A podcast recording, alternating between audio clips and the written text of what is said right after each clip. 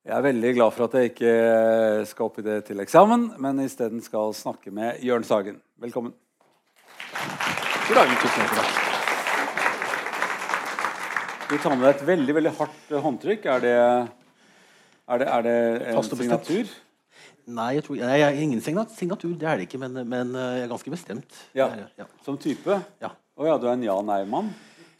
Ja, noen konfronterende vil kanskje enkelte si at jeg er. Uff da. Er du konfronterende? Ja, det er kan kanskje være- det jeg er også. Jeg prøver å være begge, både imøtekommende, men kan være konfronterende. Ja. Jeg pleier å være eh, veldig imøtekommende uansett. Ja. Ja.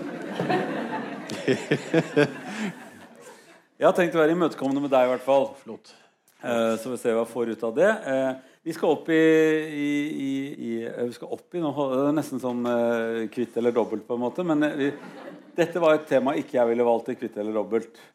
Uh, først og fremst fordi at jeg syns, syns det er fryktelig vanskelig med alt endokrine ting. Jeg mener endo, endokrin, da Da begynner, begynner jeg å gå veldig, veldig, veldig usikker med en gang. Ja.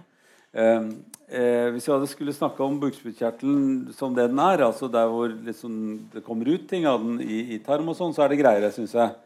Jeg syns med en gang noen sier langerhanske øyer og sånne ting, så er det vanskelig. Altså. Da faller du ut. Jeg faller ikke ut, men jeg, jeg blir vag. Ja. Så derfor først Kan du ikke fortelle meg hva de langerhanske øyne gjør? Hva er det som er der? Dette er bukspyttkjertelen. Who cares? Men det er i hvert fall det de gjør, de langerhanske øyne. De har noen celler i seg Ja. som styrer med å lage hormoner. Ja. Tre typer hormoner, tre typer celler som lager fire, fem, seks hormoner, kanskje enda mer. ja, det er fire celler. Ja. Eh, Er det? Eh, Det største av dem er jo de som eh, lager insulin, Ja. som kalles betaceller. Ja. Og så er det et annet viktig hormon som er et fastehormon, glukagon, ja. som lages av alfaceller. Eh, Og så har man to andre hormoner. Jeg tror ikke vi skal liksom legge oss så mye merke i akkurat de to hormonene. Men Åh, det er så glad med en gang folk sier vi legger ikke merke til dem. Det, det er noe, jeg begynte så vidt å lese om amylin eller noe sånt nå. ja, det Og ble veldig usikker med en gang. ja. Jeg tror ikke vi skal bry oss så veldig mye om det. Men kan vi ikke bare bli ferdig med det og si at det, det er noen andre hormoner her som gjør eh, også sånn balanse med hva vi spiser og ikke, og sukker og ikke, og fett og ikke, og proteiner og ikke, og Ja, eh, men det er ikke det jeg ville ha lagt vekt på. Nei. Eh, Det ville jeg ikke gjort. Men jeg ville ha sagt at når det gjelder akkurat bukspyttkjertelen, så er når du snakker om de langranske celleøyene, så er det bare 2 av bukspyttkjertelen. Ja. Resten laver altså det som har med fordøyelse å gjøre. Og det å Og det går ut i tarmen. Men disse tingene her blir styrt via blodbanen, og, Ja. så, så de kunne like godt vært i et annet organ? Ja, Nå kan man jo filosofere over akkurat hvorfor disse ulike organene er som de er. Ja. Eh, Det kan man jo gjøre, hvordan vi har utviklet oss. Egentlig så er bukspyttkjertelen ganske rar utviklingsmessig, altså i vårt fosterliv. Hvordan det har utviklet seg. Ja. Hvor kommer de cellene fra, egentlig, tror du? De kommer fra tarmen, og de kommer fra ulike, ulike steder som vokser ut fra tarmen, og så smelter de sammen. Ja. Og så går gallegangen igjennom dette her. Ja.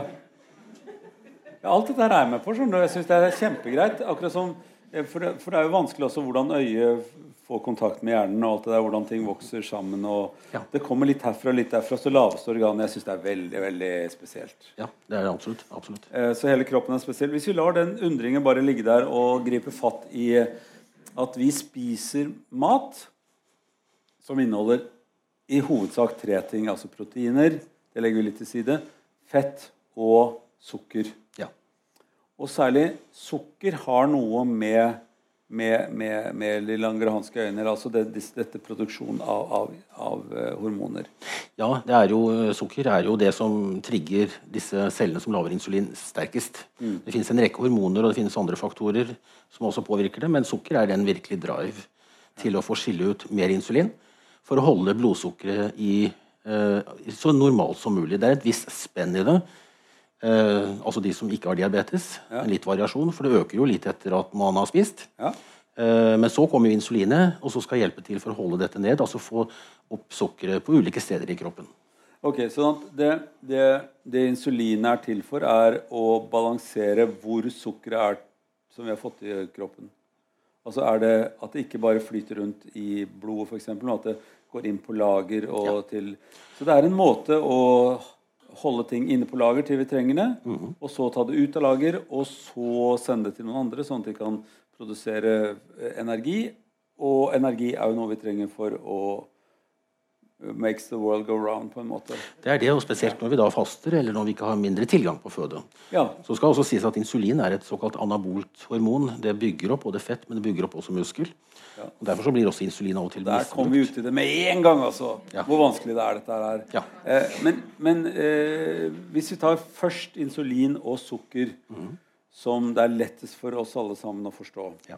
så er det altså Vi spiser noen ting, i det er det masse sukker, vanligvis, og med ulike former, og så eh, og så kommer insulinet og blir trigg, altså disse hormonene blir trigget til å skilles ut. De fører noen inn på lager og rydder opp i nivået på en måte med sukker i blodet, om det er hensiktsmessig. Ja. Og så kommer en ny balanse. Mm. Eh, er det flere hormoner som virker da? Ja, altså Hvis du går over i faste, Ja. så kommer glukagon inn. Ok, Så det er det andre hormonet. Ja. For det er akkurat som det er en, en muskel som drar, og en som dytter, Mhm. så er det det på hormonsiden også. da. Ja. Og dette er hele tiden, De hormonene de to er viktige for å holde nettopp blodsukkeret normalt. fordi at eh, vår lever den lager også sukker under faste. Hvis den ikke hadde gjort det, så hadde man jo ikke våknet opp i morgen tidlig.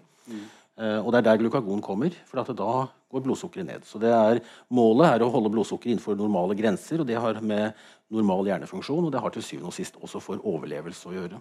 Dette må jo være veldig viktig for kroppen vår, siden det er så sterke Ja. reaksjoner Ja. på disse to hormonene. Det er det. Det er helt essensielt for oss at disse cellene produserer i hvert fall disse to hormonene, insulin og glukagon. Ja, Insulin vil jeg si er helt essensielt. eh, fordi at, eh, Det ser man jo ved type 1-diabetes, som vi da kommer tilbake til. Der må man ha insulin for å leve. Slik at eh, der, der, der ser man jo at det hele tatt for å få sukkeret til å ta, bli tatt opp i ulike deler av kroppen, så, så, så er det, det er nødvendig med det hormonet. Men det er også det samme med glukagon i forhold til at du får eh, at du holder blodsukkeret oppe. Men det er klart at den effekten tapes litt hos type 1-diabetikere. Nå sier man jo gjerne at det kalles, jo ikke diabetikere lenger, det er personer med diabetes. Oh, ja. Er det det heter? nå? Heter, heter jeg person med øye? Ja. ja, man kan, det hjelper ikke med ord alltid. Altså, jeg, det. jeg må få lov å si diabeter, eh, diabetikere Jeg tror det, det, gjør det mye enklere. Jeg gjør det mye enklere. Men jeg kan ikke begynne å si 'person med bil' Nei. foran alle sjåfører, f.eks. Men eh, For dette er jo en del av vår fantastiske historie innenfor dette faget medisin som vi driver med. Ja. At i for en, Hvor lenge siden er det? Du må jo forberede deg til, til eh, 2021-jubileet. Ja. Da er det Insulin. 100 år siden insulin ble Eh, ja, det ble det, oppdaget, og nobelprisen ble jo gitt i 23. Ja. er det, så, så det blir jo et stort jubileum. For det var jo et virkelig gjennombrudd. For dette, om, dette er snakk om overlevelse for de med type 1-diabetes. Hva skjedde med de som hadde sånn type 1-diabetes før 1921? De, de ville gå De, de dør. De De døde. slutt? De døde, ja. For det er altså ikke mulig å overleve. Man, blod, en ting er blodsukkeret øker, men, men man kommer i det som heter syreforgiftning. Som på fint heter ketoacidose. Og det er jo det man da til syvende og sist dør av. Man, blir, man taper væske. Eh, Så man har et underskudd av væske, og så går det bare én vei. Så det, dette var en del av dette, dette triste, litt uforståelige sykdomsbildet som, som, som, har navn, som har gitt navnet til diabetes mellitus. Ja. Vet, du hva det bety- vet du hva det kommer av? For jeg slo det opp. Ja. Skal du si det, eller Det, jeg si det? det er veldig, ja, eksakt. Det er vel med sukker i urin. Ja, Er det, men altså, dia, diabetes er gresk og betyr eh, noen som eh, slipper gjennom. ut. Slipper ut, ja. Så det er en, en gjennomfartsting. Også mel er jo eh, honning. Og itus betyr lite grann. Så det er altså litt sånn honningluktende gjennomstrømning. Og det heter jo på godt norsk eh, urin som smaker litt søtt. Ja. Og det var den gamle måten å diagnostisere Man det på. smakte jo på. Ja da. Så det, jeg skal være glad for at vi slipper. Eh, så jeg syns det er fint vi er kommet til etter 1921. Ja. Ja. Nå vet vi hva det er for noen ting. Og skal vi si eh, de som da har det som et type 1-diabetes, som man da døde av Ja. før 1921, eh, hva er det de merker det på at de har diabetes, og hva er det som er egentlig gærent med disse? Eksempel, kan man si det så enkelt som at de har at alle de cellene som lager insulin, ikke funker? Er, Ja. Eller er det ikke så ille? Eh, det er når man får diabetes, og det er jo hyppigst hos unge, barn og unge, mm. er da det er flest nye tilfeller, eh, så er eh, ikke bare at det ikke funker, men, men det er immunforsvaret som har ødelagt flesteparten. Men Det er noen celler igjen, men de tapes de også over tid. Men det er altså en direkte skade på de cellene som betacellene som lager insulin. Så de er forsvunnet. Eh, Men det er noen igjen. Så når f.eks. barnet kommer inn på barneklinikken, man får igangsatt behandling, man får ned blodsukkeret, som er en trinnvis prosess, eh, eller behandling, mm. så, så, så merker man at eh, når barnet, ungdommen, skrives ut igjen, så må man være påpasselig på å senke insulindosen. fordi at når man kommer hjem, så kommer man i det som på fint engelsk heter honeymoon. Og da, betyr, da begynner altså de, noen få celler som er igjen, de begynner å lage insulin. Så da må man være påpasselig på å sette ned insulindosen. Og hvor lenge den perioden med honeymoon varer, er forskjellig. Det kan være noen måneder, men det er også beskrevet i både to og tre år.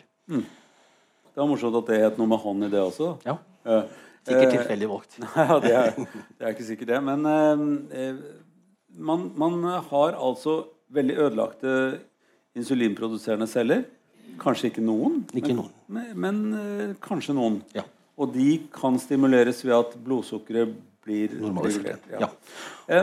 Eh, um, Og det er en fordel desto lenger du kan bevare disse cellene. Eh, fordi at det har noe med å si faren for å få alvorlig lavt blodsukker, altså alvorlig hypoglykemi. Desto større eller flere sånne celler du har igjen etter oppstart av type 1, desto mindre fare er det for å få alvorlige hypoglykemier. vet man noe om hvorfor folk får, eh, får immunforsvar som ødelegger disse cellene, eller er, har man kommet noe lenger med å forstå eh, de som mangler produksjon av insulin? Ja, det vil jeg si. Hva er grunnen til det? Eh, det er mye arv. Ja. Så genetikken, DNA, eh, er jo en viktig del av det. Så det betyr at man arver en risiko. Men, men både type 1 og type 2 er såkalt kombinasjon av både mange gener og miljøfaktorer. Eh, miljøfaktorene er det mange av, men, men, eh, eller er det diskutert mange av. Men der er det områder som vi ikke har så mye kjennskap til. Men infeksjoner er det som kanskje går igjen som den sterkeste miljøfaktoren. Nå hoppet vi veldig fort til å bare snakke om type 1 og 2, som alle her vet hva det er for noen ting. Men altså eh, Kan vi si at nå snakker vi først om type 1, som er den aller alvorligste eh, diabetessykdommen? Kan jeg få lov til å si det litt til? til? Du få, ja, du skal få lov til å si den alvorligste, så kan vi diskutere om vi er enige om type 1 og 2. Men jeg har bare tenkt for sånn litt pedagogisk å forklare at dette her er, er de som ikke har noe insulinproduksjon, eller bare noen få celler igjen. Og at det har noe med at man er barn, man, man, man er kanskje hatt en veldig tidlig eh, del av livet hvor dette her har syntes. Kan, vi, kan vi si litt om, om hvordan, eh, hvordan man merker det? Altså, la oss si at det er et barn. Hvor gammelt er det? Ja, det, er, det, det kan jo være alltid fra seks måneder opp til uh, i tenårene. Eh, Det, man kan i prinsippet få type 1-diabetes som voksen og eldre også, men vi, vi, vi- vi holder oss til barn og ungdom. Ja. Uh, og det er, det er noen sånne klassiske symptomer.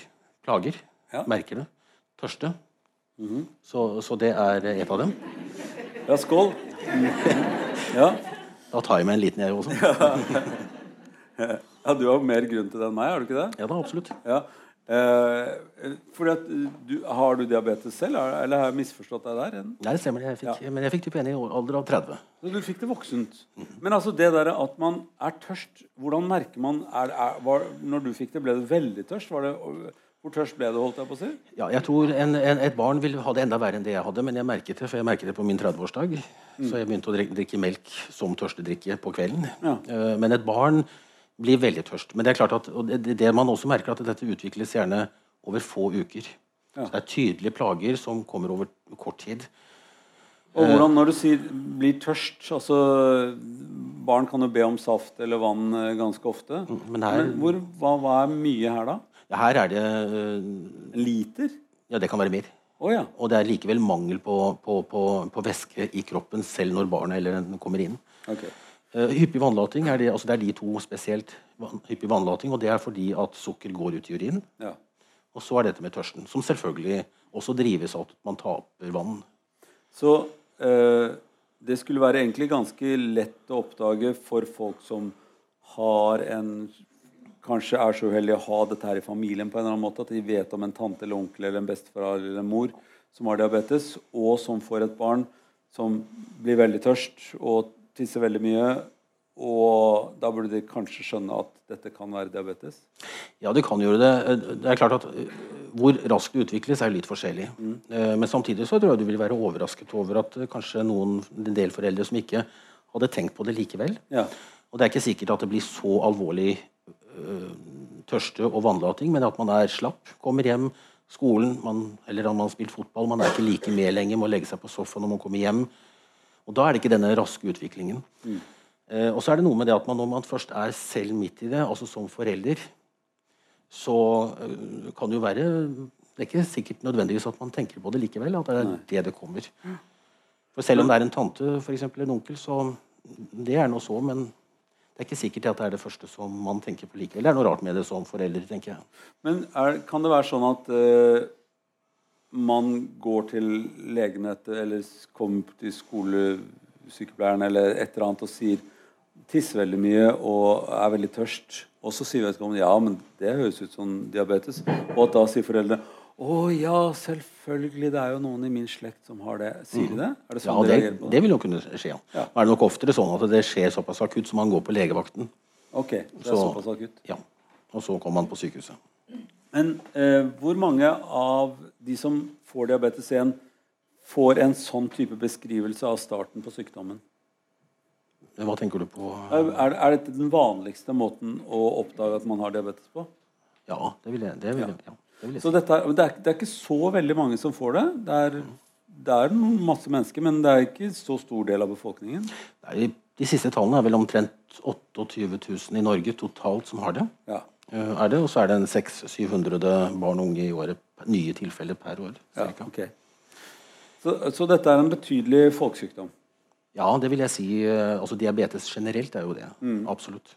Men det å, å, få den tidlig i livet, det er, det er, det tydeligste, og det er kanskje det uh, nå, nå, sa jeg farlig, nå får jeg kanskje ikke lov å si farlig lenger, men det, var, det er kanskje det farligste. Men det er jo godt beskyttet ja. i vår tid. da, i den forstand at det, du har foreldre og du har et helsevesen som vet hva dette etter hvert dreier seg om, ja. og det er god behandling å få.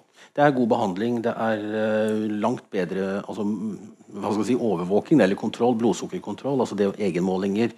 Nå har man jo altså vi har kontinuerlige Det å måle kontinuerlig blodsukker det finnes jo også, selv om det selvfølgelig er veldig få i Norge som fortsatt har det. Mm. Så kommer det mer og mer også. Men det er jo ganske vanlig, i hvert fall de diabetikere jeg har hørt om, at de ganske raskt kommer til å få regulert det på en eller annen måte. Ja. Gå gjennom en, en, ganske lang fase både med undervisning og, og, regulering av det. Og så kommer de ut på den andre siden av den tunnelen, mm. lang eller kort, og så behersker de på en eller annen måte den familien. Denne med diabetes? Ja, eh, de fleste gjør jo det. Eh, foreldre som får barn med diabetes, de, de er jo veldig opptatt på at barnet skal få det best mulig. Mm. Og er veldig interessert i å sette seg inn i å få den informasjonen. Mm. Det gjelder enhver pasient, uansett sykdom også. Det å få informasjon, det gjelder pårørende også. Du kan først ta ansvar for en sykdom når du først får tilstrekkelig informasjon. Mm. Men Det betyr altså at helsepersonell må gi god og forståelig informasjon. Min tilbakemelding fra de jeg vet at har diabetes, er jo at de har fått veldig god start. Altså god ja. opplæring hvis de har vært på klinikk. Ja. Eh, det der er allikevel en ganske alvorlig sykdom å få når man går på arbeidssiden. Da. Altså både foreldrene og barnet. Det er ganske arbeidsomt å få diabetes. Mye nattvåking. Det er mye nattvåking. Spesielt. Eh, foreldrene må jo kontrollere blodsukkeret. Eh, så det er det jo. Det er mye engstelse rettet mot altså Barnet skal ut på skolen. Mm. Eh, etter hvert så kommer puberteten. Etter hvert så kommer dette med festligheter, alkohol. Man skal flytte ut, begynne for seg selv, om det da måtte være på universitet eller videre utdannelse eller jobb. Og Det handler jo om å, for foreldre å gi slipp i denne prosessen her også. Mm. Uh, og barnet tar jo veldig mye ansvar etter hvert. altså Det må de gjøre. Mm. Hvis man ikke tar denne sykdommen på alvor, så, så går det ikke bra. Nei.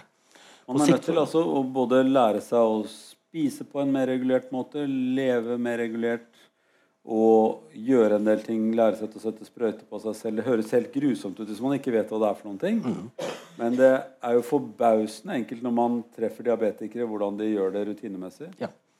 Og det er til og med litt gøy på skolen av og til å være den som får være med diabetikeren inn og se på at den setter sprøyter. Det kan det være. Eh, og det er klart, men Jeg tror også litt forskjellig der i forhold til stigmatisering der også. Mm. Eh, men, men eh, igjen så får, altså får, du god informasjon til skolen, lærere, fotballaget, så, så kan dette bli morsomt, som du sier. Og én ting er pennene, men insulinpumpene kan se ut som mobiltelefoner. så man står der og fikler litt. Så, mm. så ikke fikler for mye, selvfølgelig. Da, men, mm. men, men, men, det er klart at det, det, er å skape en atmosfære hvor det er morsomt. fordi at omgivelsene må også vite om sykdommen. og De må vite hva skal jeg gjøre, eller hva kan jeg gjøre dersom det skulle skje noe. Ja. For hva skal vi rundt, da, som ikke Vi kanskje vet hvem det er som har diabetiker, og da er det ikke noe særlig vanskelig. Men hvis vi ikke vet hvem det er som er diabetiker, og plutselig kommer til å være den som er sammen med diabetiker, og som får et eller annet tilstand hvor det enten har fått for lite sukker eller har fått for mye sukker. Mm. Hvordan, hvordan, um, hvordan, er din erfaring at, at, at det oppdages uh, at man kommer i en sånn Særlig for lite sukker. da, At man, i, uh, at man har fått for mye insulin og, eller ja, mm. har fått for lite sukker rett og slett i seg. Ja. Hva, hva, hva, hva skjer da? Det er, eh, reaksjonene, eller det er jo forskjellig fra én type 1-diabetiker til en annen, men det oftest så er det jo sånn at man begynner å bli litt redusert oppmerksomhet. Mm -hmm. Man begynner å få svette. Selv så kjenner man hjertebank. Eh, etter hvert så går bevisstheten blir stadig redusert, helt til at man i verste fall går i koma. Mm. Hvor ille har du vært, eh, siden jeg har deg her som er diabetiker, hvor, hvor ille har du vært på den der Kjenner du veldig godt igjen når det begynner å merkes? Ja. Så, så du, du, kommer aldri i en sånn tilstand hvor du, er, hvor du svartner helt for deg og du blir borte? liksom? Nei, det har aldri gjort det. Uh, skal aldri, man skal aldri si aldri. Uh, det er jo klart at Vi er jo dette med inne med alkohol, f.eks. For eksempel. mm. uh, fordi at dette med festligheter og drikke alkohol og hvis, Det er gjerne sånn at hvis man er veldig stramt regulert, som det heter, altså man ligger veldig lavt altså Det heter jo flott da etter blodsukkeret, mm. men man tar seg en litt for stor fest. Mm. Så eh, alkoholen den, den, påvirker leveren til at du ikke får noe sukker ut fra lever heller. Mm. Slik at Da kan man jo få en, en alvorlig hypoglykemi, lavt blodsukker, midt på natten, fire-fem, og da sover man jo. Mm. Så man skal jo aldri være helt sikker på, selvfølgelig. Nei. Og selvfølgelig har ikke jeg store fester, men Nei, men du, du, vet jo om det, men det å, å, være sammen i ungdomstiden med noen som man vet er diabetiker, som har drukket altfor mye, ja. da skal man kanskje ha på et lite gult lys hvis ja. man er kameraten? Hold et, hold et øye. Ja. Uh, vær observant. Uh, og det gjelder hele året, men du nevnte at det er vinter. Mm. Dette med at det blir kaldt vær i tillegg. altså Følg med. Mm. Vær med å ta et ansvar. Uh, som er da veldig viktig. Og da kommer det også en situasjon Det er jo et tilfelle som jeg også har hørt, at man ikke får spist, at man går høyt, men man har vært på fest, f.eks. Vi snakket jo om danskebåten her i sted. Mm. Eh, og så gir man insulin, men man orker ikke å spise av ulike årsaker. Mm. Og da kan det også gå galt uh, i motsatt uh, Altså både lavt, uh, men gir man også for lite insulin, så går det motsatt vei. Mm. Og dette vet jo stort sett diabetikerne om selv, men det er ikke alltid de klarer å, å, å merke at det starter eller Nei. nei. Det, og det er veldig forskjellig fra person til person. Ja. Jeg hadde en sånn venn av onkelen min. Han uh, svingte både hit og dit, og han var alltid veldig rar når han var begge deler. Ja. ja, nå var jeg ganske liten, altså. Jeg, jeg, visste ikke så mye om fyll på den tiden. Men han var, han, eh, han var rar, altså. Ja. Og da passet alltid, alltid onkelen min på han at nå blir han syk, liksom. Ja. Um, men uh, hvordan Hva skal vi gjøre da? Hva, altså det kan være studenter som sitter og, og raller eller er rare, uh, surrete på lesesalen og sånt noe. Mm. Altså, og det kan jo folk bli av mange grunner. Men altså, her vil jo en diabetiker kunne gå inn i den gruppen da, og være ja. litt sånn diffuse symptomer som ikke vi andre skjønner. Eller studentene som skjønner. Absolutt. Ja. Absolutt. Det er både, både, det at man rører, men det finnes også øh, en viss andel av de som får mer psykiatriske symptomer. Mm. også. Så det kan det, kan det være. Men én ting er at det er kjente mennesker som er på lesesalen. Annerledes er det hvis du møter en på gaten. Ja. For da mange av oss trekker seg jo unna. Vil ikke ha noe med dette å gjøre. Eh, men det kan jo være en som går i føling, som du faktisk møter. Ja. Går i føling, sier du så kjekt nå. Vi har ikke brukt det ordet i det hele tatt ennå. Går i lavt blod. Ja. For da har du lavt blodsukker. Ja. Eh, og da, hva, hva kommer ordet føling på? Det føler du på ting, da? Eller er det Ja, du kjenner på mye. Ja. Men, eh, men det, det, det er ikke sånn at de føler på ting, men Nei. du føler at det er noe rart? Ja. Nå er det jo egentlig, Ordet føling er vel noe som egentlig skal vekk fra Ja, men du vet, Det er mange ord i vårt språk som, forblir. likevel er der. Altså. Ja, de forblir. Eh, eh, er, det, er det sånn at, eh, at, at jeg rett og slett da burde ha gått bort og sjekket? Har du det fint? Er du syk på noen måte? Skal jeg ringe til legevakten? Er, hvordan vil vedkommende reagere da? Det er ikke sikkert at øh, vedkommende helt skjønner hva du spør om. Nei. Eh, Du kan også få det rake motsatte reaksjoner. At du kan få også sinne. Ja. Det kan du også risikere. Eh, Som står stritter fullstendig imot. Det kommer helt an på hvordan personen reagerer. For som sagt, En med diabetes type 1 eller går i lavt blodsukker, en annen vil kunne reagere helt forskjellig. Så dette er, Man må nesten tenke litt som en slags ulykke eller et anfall. Eller, altså, man, må, man må tenke litt sånn at ja, men jeg gjør det likevel, for jeg syns ikke dette er noe fint. Ja, Ja. Det, det er eh, absolutt. Så ringe 113 og snakke med noen der og si jeg står her, og det er litt sånn, det er, det er en som oppfører seg så det virker som det er noe rart. Ja. Uh, kan jeg få litt hjelp? Ja. Ja. Det ville du sagt som diabetiker at det er veldig fint hvis noen tenker sånn? ja, det ville være veldig kjedelig det motsatte. Ja. Eh, ville være, For da ville du fortsette å rave rundt i disse tveitene her. si. ja. eller Det hadde ikke vært bra i det hele tatt. nei, nei. Men, så, vi, så vi har litt ansvar for at vi har folk blant oss som har diabetes, og vi kan være til stor hjelp hvis vi Ja. hjelper noen vekk fra en sånn tilstand. Ja. Eh, når vi nå har sagt om det, så eh, kan vi si litt om hva, hva som skjer med, med diabetes 1 type 1, da, denne eh, som jeg kaller verste foreløpig. Eh, diabetestypen Hvis de ikke er regulert, og hvis de ikke får hjelp når altså, kan, Hva slags senvirkninger, hva slags skader på kort og lang sikt kan man få av å ha en ubehandlet, uregulert diabetes 1? Ja, jeg, først og fremst så når man tenker eh, blodsukkeret over tid som har ligget for høyt, så er det langtidsutsiktene. Og da er det jo eh, Man kan få øyenbunnsforandringer. Ja, Som kan i verste fall utvikle seg til blindhet. eh, nyreskade som kan i verste fall gi nyresvikt. Eh, nervene våre kan, på, kan bli påvirket, slik at vi kan miste følelsen i føttene. Eh, andre steder selvfølgelig også. Vi, altså, og det, hvis du, ikke, hvis du begynner å få lite følelse i føttene, så har du større risiko for å få sår. For det ligger en liten sten der som knusser når du går. Så kommer såret. Eh, og så er det dette med, med, med hjertekar. Hjerneslag, hjerteinfarkt, eh, hjertekramper, altså angina. Det er disse langtidsutsiktene. Så dette var en helt smørbrødliste som jeg antagelig hakta på før 1921, men som nå er mye mer sjelden? Eh, ja, nå vil jeg jo si at det var nok ikke før 21, for de døde av det høye blodsukkeret før, før det fikk utviklet seg. Punktum. Ja. Så men når det gjelder det akutte, det, det, som de raske, så er det jo det at hvis man går i høyt blodsukker og man får denne syreforgiftningen, eh, så er jo det en, en alvorlig situasjon som kan i verste fall også ha et dødelig utkomme. Men det er sjelden, svært sjelden i dag i Norge. Så det å være diabetiker og vite at man blir passet på, det kan gjøre at man har et like langt liv som gjennomsnittet av befolkningen? Ja, hvis man klarer å holde blodsukkeret på det normale nivået. Når jeg sier normalt, så er det klart at det står jo veldig fint i disse retningslinjene om hvordan man skal legge blodsukkeret sitt. Hverdagen er noe helt annet, så det kan jeg også jeg skrive under på. Det er ikke sånn at du klarer å holde deg mellom det og det nivået, for det, det vil svinge fra dag til dag. Mm. Man lever ikke like fast hver dag heller. Eh, livskvalitet skal man også ha med seg.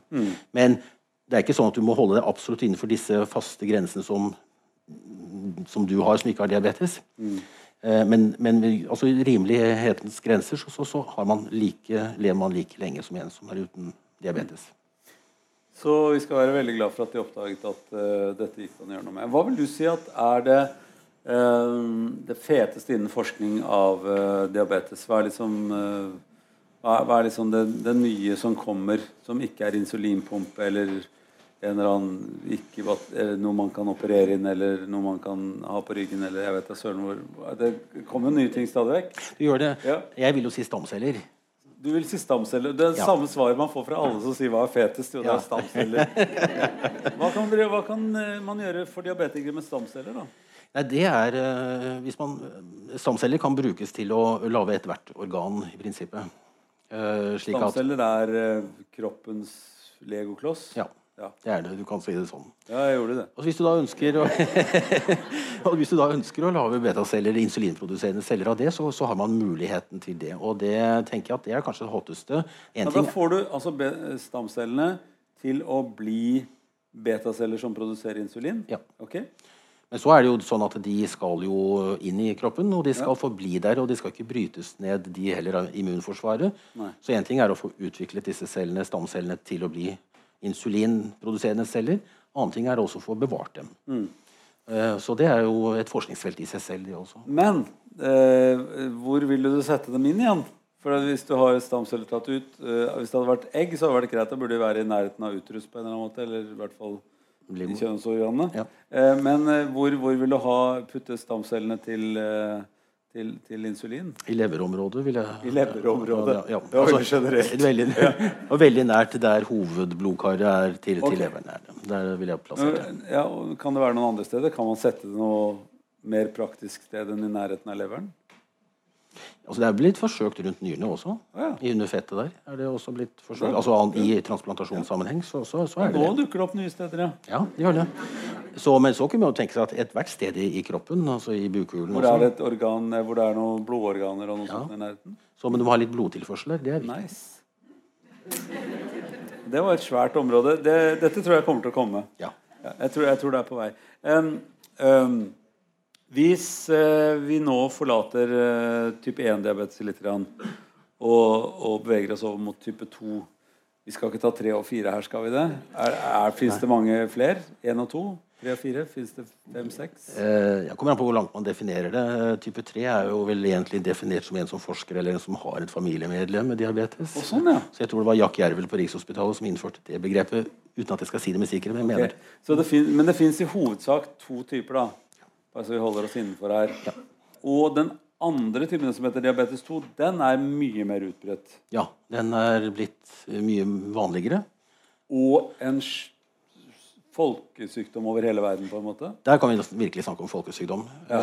er det. Eh, det er den som har økt mest i de siste 30-40 årene. Er det, og det er Jeg den som så øker på, mest. på et, på et sånt kart, eh, sånt farvekart over hvor det var mest i verden. Og det Én ting var at det var USA. Ble jeg forbauset? Nei. Eh, eh, fordi jeg kjenner liksom at der er det veldig mye veldig veldig fete mennesker. Jeg har sett noen av dem. De er svære, altså. Noen av de som er svære i USA. Vi bør ikke le av det, men det, var, det er trist. Eh, eh, men i USA og så Spania, Italia og Malta og, og ikke Frankrike. Og, eh, og selvfølgelig også Du sa til meg at det var mye Norden. Men på dette kartet sto det også ganske mange sterke farger øh, rundt i den mer tempererte sonen. Veldig lite i, i, i Ecuador-området, liksom. Ekvator heter det. Ekvatorområdet. Er det noen grunn til det? Tror man man vet noe om det? Er det fordi at folk er av litt forskjellige typer, altså er vandret rundt i verden og blitt til andre folk, og noen kaller det raser, og noen kaller det bare grupperinger av mennesker. Men er, det, er dette en del av genmaterialet vi har flyttet rundt i verden? Ja, det er det. Eh, Men det er også slik at eh, det er hvor kanskje det er skille, Type 2 er en livsstilssykdom, Ja. i motsetning til type 1, som ikke er en livsstilssykdom. Eh, Så, så her kommer livsstilen veldig inn, og vår vestlige måte å leve på eh, er, er en risikofaktor. Så hvis vi tenker liv, altså mosjon og dette med overvekt, altså graden av hvor, hvorvidt vi beveger oss, og overvekt er veldig viktig. Mm. Du var inne på Frankrike, så snakker man jo om det franske paradoks. Eh, Hvordan de lever. eh, Men som heller ikke altså Fedmen er ikke like utpreget i, i Frankrike som de er i andre sydeuropeiske sydeuropeiske land. Så det er koblet eh, mot fedme på en eller annen måte? Er det noen spesiell type fedme? Er Ja. det, er det spiller noe om man er tjukk i rumpa eller tjukk i huet? holdt jeg på å si? Er det, er det, hvor, hvor, hvor er det man ikke skal være tjukk? Det er rundt maven. Rundt maven. Så er menn, som er mer, ut, ja, menn er mer, mer utsatt, som har det som vi kaller epleform. altså det er der rundt maven, Mens kvinner som har mer fett under hoftene, som har mer pæreform, da er risikoen mindre. Så det er det fettet som er rundt uh, tarmene. eh, eller som en kirurg hørte på Nordmøre, som kalte det innfeit. Innfeit, ja. Ja, så, Det som vi kaller ister på slakterhuset. ok.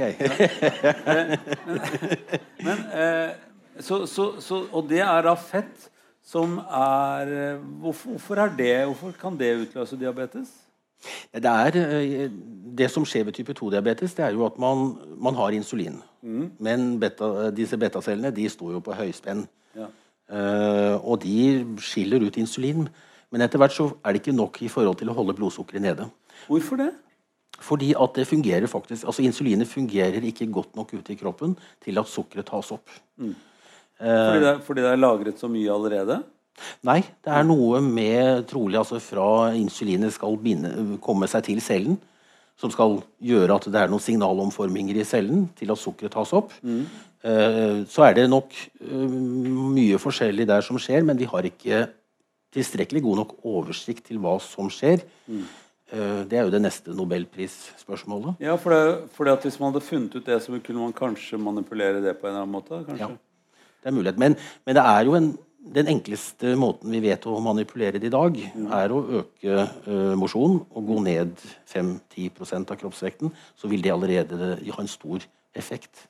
Så det å Hvis man, hvis man kanskje er på vei eller har fått diabetes 2, så vil en av de beste behandlingene være rett og slett å gå ned i vekt? Ja.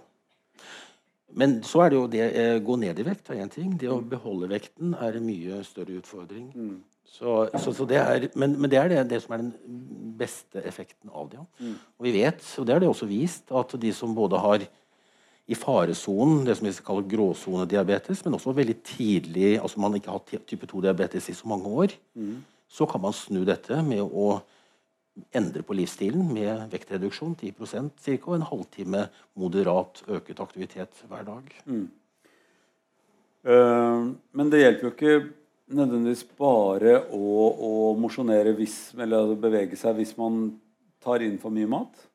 Nei, det gjør det ikke. Det gjør Så det der å ta, altså, Betyr det noe hva slags type mat man tar inn? Nei, Dette med, med, med uh, type mat det har nok mer knyttet til dette med vektutviklingen. Mm. Uh, for det er den som blir veldig sterkt drivende her. Eh, men nå er det ikke dette med, vi kaller det insulinresistens når mm. insulin ikke fungerer så godt ut i kroppen. Mm. Men det alene er ikke nok for å få type 2-diabetes. Okay. Det er nødt til å være også en, en, en feil i bukspyttkjertelen der også. Og Det ser vi jo veldig spesielt på de pasientene som blir overvektsoperert for sykelig overvekt. Det er bare en fjerdedel av dem som har diabetes. 75% har ikke diabetes. Mm. Uh, og jeg vil også si at dette med type 2-diabetes betyr ikke at de har overvekt eller sykelig overvekt. Det er 20% som er normalvektige, slik at man ikke liksom sier at å ja, det er bare overvektige som får type okay, 2. Dette må vi rydde opp i med en gang. Uh, det er 20% av de som får diabetes 2, som ikke er overvektige. Ja. Men 80 er overvektige. Ja. Og da, overvektige, da tenker du på ganske mye, mye fett på buken eller rundt ja. armene? Ja. Okay. Eh, uh, vet man noe mer om hva det er som får det til å vippe over til å bli diabetes 2 for de som er sånn i risikosonen? Det er, det er, en feil uh, som også går på, som går på, genene. At man har en øket risiko som jo går på en feil på de, de betacellene. Mm. Det er der feilen da gjør at det tipper over. Er det forskjellige ting som, virker, som vipper det på de som har normalvekt, og de som har overvekt? Ja, det er der vi ikke vet så mye. Men jeg tror i fremtiden så vil vi være flinkere Jeg tror ikke vi kommer til i fremtiden å snakke om type 1 og type 2-diabetes. Okay. Jeg tror vi kommer til å snakke om langt flere ulike typer som, som ligger på bl.a. hvordan våre gener er. Mm. Men, men, der er det en jobb å gjøre i forhold til å komme litt mer i dybden. Kan vi dele dette her i to, for nå begynner det å bli spennende. Eh, kan vi si litt generelt til eh, på en måte hele befolkningen og de som er overvektige, og si til de som har diabetes eh, type 2 som er overvektige, hva de kan gjøre annet enn å altså, gå ned i vekt. høres veldig lett ut. Det er som å be en røyker om å slutte å røyke. Ja, det gjør du ikke, selv om vi sier det eh, hvor mye vi vil. Mm -hmm. eh, og det å gå ned i vekt er også fryktelig vanskelig for de som er overvektige.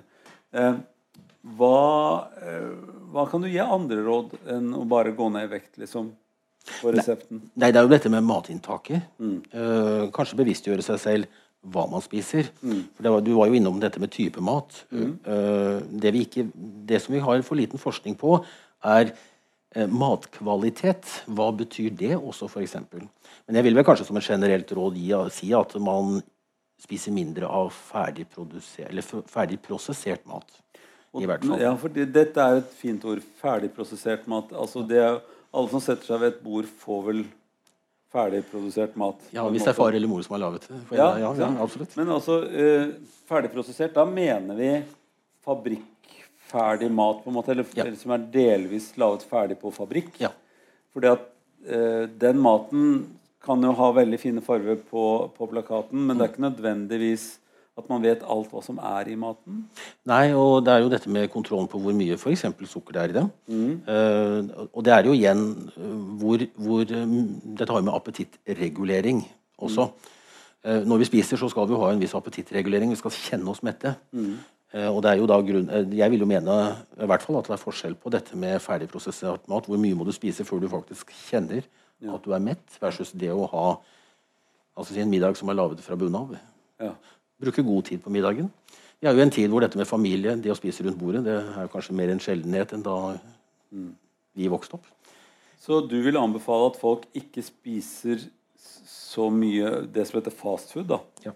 For at der er det tilsatt kanskje både fettstoffer som er mye mer mm, mettet, og, og, og kanskje mye transfett, og altså andre typer som fett som kroppen er vanskeligere for å prosessere.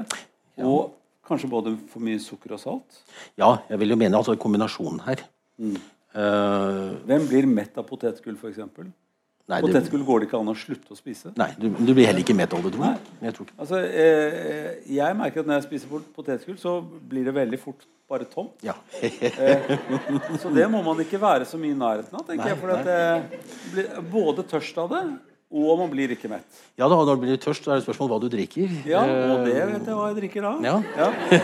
Og da får jeg lyst på mer mat. Absolutt. Det var jo Aftenposten i forrige uke at det, drikker man for mye vin eller alkohol, så blir det også mer spising. Så Ja. da, det viser versa. Så alt dette, eh, dette er jo satans mat. Ja. Eh, altså det der å bli narret til å spise ting som er ferdiglaget, Ja.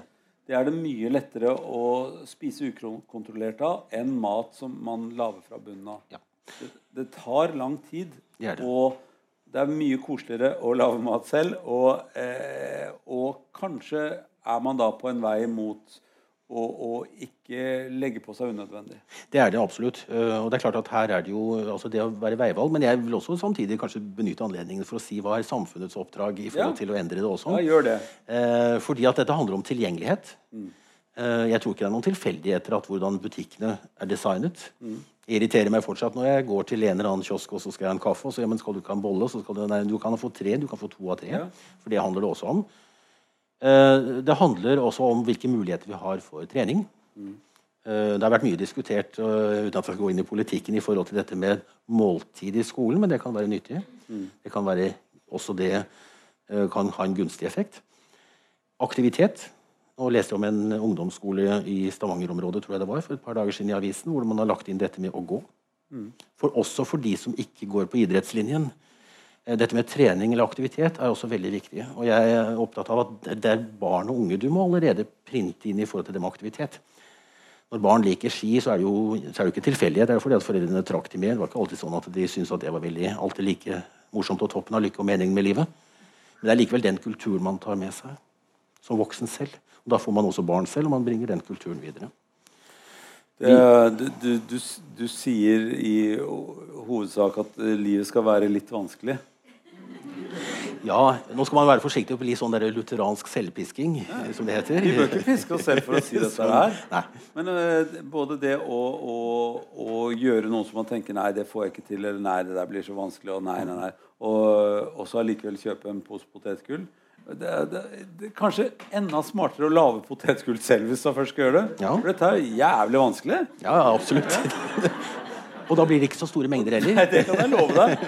Eh, eh, og, og, og i det hele tatt det der med matkultur har vi vært veldig lite opptatt av her i Norge. Det er liksom bare vært å få grauten inn og, og, og være ferdig med det. Men det der, det der som nå kommer med å både tenke hvor mye man skal spise av gangen, og hvordan den maten skal være laget, er kanskje, kanskje det neste skrittet ved å, å bli et moderne menneske. Ja, det er det. For, for vi vokste jo opp i et sånt tube, tubelandskap hvor vi tenkte Jeg tenkte at i fremtiden kommer folk til å fly i luften og ha av tre, tre retter på tube. Eh, det ble det heldigvis ikke noe av. Eh, jeg syns det er trist at det ikke blir noe av flyving i luften, for det hadde vært ganske gøy. Men det kommer. Men det kommer. Det kommer, det også. Og det og stamceller kommer altså. Ja. Så fint. Eh, Jeg kan jo også bare si i forhold til dette med, altså Måltid er jo en side ved det, men det å bruke tid Når vi var inne på det franske paradoks, eh, så er det noe med at franskmennene bruker god tid på middagen. Det å bruke tid betyr også at du får en annen metthetsfølelse. Så det, selv om man går på en fransk, fransk restaurant og man tenker at nei, men du verden, disse porsjonene var små, så er det også sånn så du bruker vonde, som noen sier. ja, det også. Små og vondt. Eh, eller her, var det, her var det mye mat, og den var veldig dårlig. Det, altså Det blir folk glade av i Norge, på en måte. Svære porsjoner som er kjempevond mat. Det vil vi ha. Eh, ja, for det er den amerikanske måten å tenke på. Det er bare få opp mengden og, og putte alt dritten i maten. Nå snakket jeg veldig stygt en stund, altså, men eh, jeg er faktisk ganske sur på dårlig mat sjøl. At det er mye bedre å få god mat eller få litt lite mat. Ja. Eh, jo eldre man blir, jo mer skal man jo passe på hvor mye mat man spiser også. Mm. Det å ha restriksjon på mat når man blir eldre, er veldig lurt. Ja. Ikke gi de gamle for mye mat. Du mener, ja. Nå var det vel en rapport som kom her om dagen da, som snakket om de eldste i hvert fall til institusjonen. Nei, det var jo veldig slurvete det jeg sa nå, men det var ganske gøyalt. Eh, er, det, er det sånn at eh, når man får diabetes 2, så er det bare én behandling, nemlig å gå ned i vekt og, eh, og spise regulert eh, og mindre eh, dårlig mat, som vi sier? Eh, eller er det en type medikamentell behandling i tillegg? Ja, tabletter kommer. Eh, noen må over på medisiner med en gang hvis blodsukkeret er for høyt. Mm. men tabletter, og der har vi ulike typer mm. som finnes, eh, er det. Men en, en tredjedel må på et eller annet tidspunkt i forløpet over på insulin. Da er det ikke for å leve eller overleve som med type 1, men det er likevel for å holde blodsukkeret innenfor normale områder. Ok, Hvis vi skulle eh, legge dette her litt til side og tenke litt fritt Du, du, så- du, du sådde en veldig eh, fin tanke for meg. Altså I fremtiden trodde du at da kommer de ikke til å snakke om type 1 og type 2-diabetes, men si at det er mange forskjellige typer diabetes. Eh, fortell meg mer om det. Hvordan tenker du som eh, både forsker og glad professor rundt dette her? Ja. Vi har jo flere typer i dag. Det har vi jo allerede. Og, eh, og da snakker vi jo spesielt om, om diabetestyper som, er, som har forårsaket endringer i ett gen. Monogen diabetes, som vi kaller det. Det har vi i dag. Eh, mens tar vi f.eks. gruppen eh, både type 2, så tror jeg vi vil se, finne, komme frem til som er både med, har med hvilke gener det er vi arver som, som øker risikoen, og andre mer fysiologiske sider ved oss som gjør at vi kan, kan begynne å karakterisere de. Og I type 1-verden så er det jo det er jo, går under sekken autoimmun type 1, eller autoimmun diabetes. Men det finnes også allerede. Det er en undergruppe som er en litt mer langsom progresjon, og som bare voksne får. Eh, for å gjøre det personlig, er det, tror du du har en annen type diabetes enn det en som får diabetes når det er et halvt år? Ja, det tror jeg. Selv om, selv om heller ikke jeg har insulinproduksjon, så, så, så tror jeg absolutt at jeg, La oss si at det hadde vært en gutt på 11 år som er liksom prime time i forhold til å få type 1. Så tror jeg den guttens type 1 er noe annet enn det min er. Ja. Og at en som får type 2, bare er en variant av type 1 av, av, Kommer an på hvor mye ødelagte celler det er, eller hvor mye funksjonstap det er? Eller tror du det er en helt annen type? Ja, det, kan, det er der vi ikke er helt ø, overgang Det er jo det spørsmålet om det er et kontinuum, som det heter. Altså det at man er en type 1 og type 2 er sånne ekstremvarianter, og så er det et eller annet imellom der som gjør at det er et fellestrekk. Eh, dette med fedmen har jo øket i de siste årene. Type 1-diabetes har også øket de siste 60 årene. Og er det noen kombinasjon likevel med fedme, overvekt og type 1? Det, det vet vi ikke noe særlig om. Kan det være sånn at, uh, at det er flere gener som spiller sammen her? At Veldig er- mange, veldig Ja. mange gener. Så at det at det er flere gener som spiller sammen, det gjør kanskje bildet også uh, at det har flere nyanser i det? Ja, det er, det, er- det er veldig mange gener, men hvert enkelt gen betyr veldig lite for risikoen. Men det er en kombinasjon av mange gener. Og da kan det jo også være fremtiden hvilken kombinasjon er det vi har av disse genene eh, som gjør at det er kanskje den typen versus den typen. Eh, men eh, vi har jo mange undersøkelser som har sett på store befolkningsgrupper eller store studier som har sett på disse genene. Eh, de studiene er jo selvfølgelig de har blitt publisert i sånn virkelig toppjournaler. Men samtidig så mener jeg at de, de, studiene er ikke gode nok. fordi at man bare tar en sånn sekk type 2-diabetes eller en sekk type 1. Mm. Men jeg tror at det er mye langt mer større nyanser. Eh, så vi, vi, må, vi, vi, må, vite mer om si, biologien og karakterisere de bedre, og så subgruppe de klinisk, som vi mm. kaller det.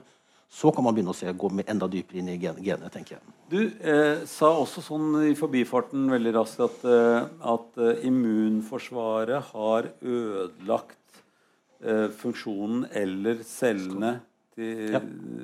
betacellene. Mm. Um, dette immunapparatet er jo et fryktelig vanskelig kapittel, det også. Ja, det er veldig vanskelig. Ja, det syns jeg jo også. Og eh, en ting er nå at det er så mange flere typer lymfocytter, vi hadde, altså hvite blodlegemer, enn det vi hadde tenkt. Og det er jo underklassifisert allerede, sånn som du snakker om, om diabetes kanskje er. Eh, men det er jo også sånn at de er jo de forte og de treige og de midt på treet og de som bremser og de som setter opp speeden og de som tar og de som hjelper. Og, altså, de gjenspeiler befolkningen for øvrig. Virkelig. Ja. ja. Eh, og, eh, og, så har vi noen andre tjommer som vi ikke har snakket om i det hele tatt. Altså disse bakteriene som er halve kroppsvekta vår omtrent. Altså, det er jo så mange av dem. Ja, det var greit å skylde på dem. For ja, nei, vi, har jo, vi, har jo, tatt dem inn. Ja, og vi pleier dem jo med det vi spiser, tenker jeg. Ja, ja. Og det vi spiser, har vi jo nettopp snakket om at det påvirker oss. Så kanskje vi driver og pleier eh, noen bakterier eller virus eller sopp som da er med på å gjøre oss mer sårbare for å bli diabetikere, f.eks. Det er det, og det er jo spesielt innenfor type 2 diabetesfeltet og dette med tarmfloraen eller Nå kaller vi ikke det én og to lenger. vet Du du og jeg vi kaller det alle mulige. Det, det, ja, det er så mange gener som spiller sammen. Ja, ja det er det. det, er ja, sånn at vi er jo kommet mye lenger i dette her eh, i vår tankeverden. Mm. Eh, kan du se for deg at, man, at dette kan kobles sammen med flere ting? Altså En ting er at vi har immunapparatet og, og genene, som jo høres ut som er en, en viktig del av det å være meg. Men en annen ting er jo de andre som jeg er vertskap for, nemlig uh, andre organismer som jeg bærer rundt på i kroppen, som samspiller med meg og kanskje mm. påvirker meg og hjernen min mye mer enn det jeg tror. Mm. Um, er det noen som har lett den veien i forhold til diabetes? Ja. Ja. Det er veldig mye forskning på dette feltet. og det eksploderte jo for en fem-seks-syv år siden. Mm, det, dette fulgte ikke jeg med på. skjønner du. Nei. For fem-seks-sju år siden var det det som eksploderte da. altså. Det, det Hva var det som eksploderte da? Nei, altså Man, man kom jo inn i det og tenkte at det er faktisk en sammenheng her mellom uh, spesielt bakteriene i tarmen og hvordan det påvirker som du sa, hjernen. Det kan være via appetittregulering, men også bl.a. risikoen eller fare for å utvikle diabetes. Mm. Så når jeg snakker om miljøfaktorer og gener, så er det én side. men tarmfloraen er noe annet. og Det er klart at det er jo også vist i forsøk at når vi spiser det som også fremmer utvikling av diabetes, så endrer det den type tarmfloraen. Og da, som du sier, da gir vi næring til kanskje en tarmflora eller bakterieflora som er uheldig med tanke på utvikling av diabetes. Mm. Så, så, her er det så mange ting som spiller sammen, som, ja. som livet sjøl.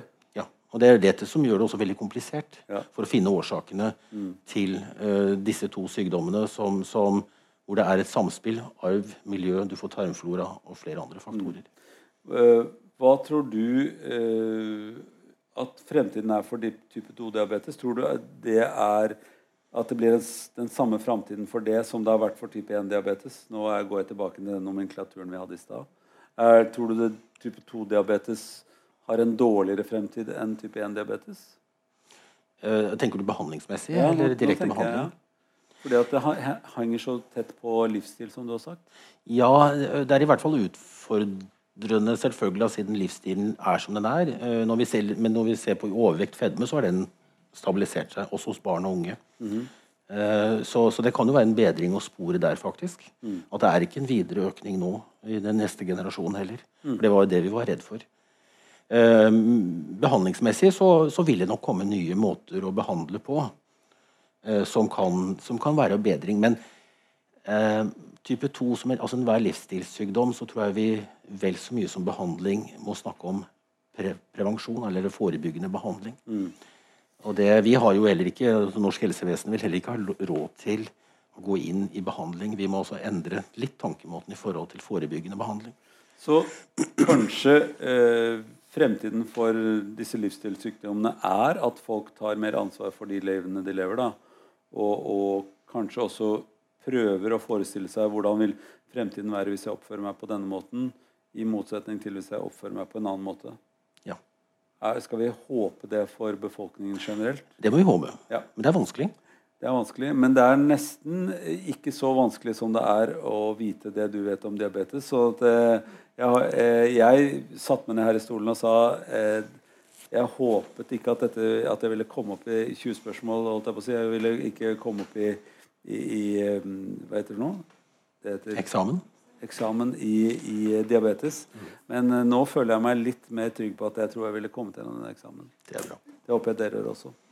Tusen takk for at du kom. Tusen takk for å være her.